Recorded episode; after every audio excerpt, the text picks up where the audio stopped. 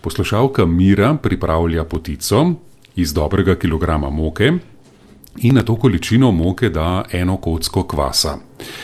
Um, to je vse, kar je napisala o testu, no potem seveda testo razvalja, približno en centimeter debeline in potem namaže z nadevom. Uh, napisala je: Ne šparam z nadevom, tako v svojem narečju, ampak uh, vseeno imam občutek, da je potica premalo pomazana. Um, testo je dobro, potica je okusna, pravi, vendar se obadam s tem, da bi rada bolj pomazano testo. Mm -hmm. Glejte, bo čist drugi izgled, če bo testo še tanjše razvaljeno.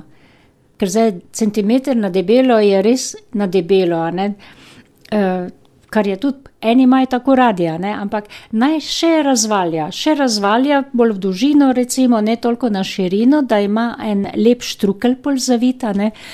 In potem, ko ga razvalja, testo malo pridvigne tudi, da se lahko uskoči, rečem, ker je le napeto, ko ga razvaljamo takole.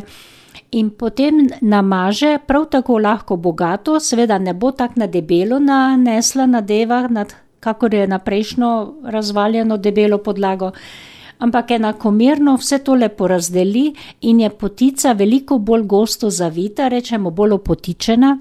In to izgleda, da je bogatejša.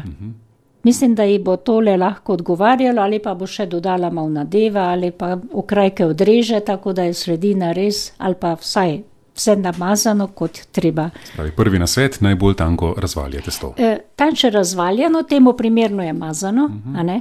ne more biti zdaj dvakrat toliko mazana, pa tenko razvaljena, ker pol eh, lahko se zgodi, da bo slaninasta, ker, ker je prebogata. Uh -huh. Ker to se je že tudi lahko zgodilo in se je zgodilo. E, tako da vseeno bogato potico bo lahko naredila tudi na ta način. Zdaj, če ji bo to odgovarjalo, če ne bom pa še drug izhod iskali.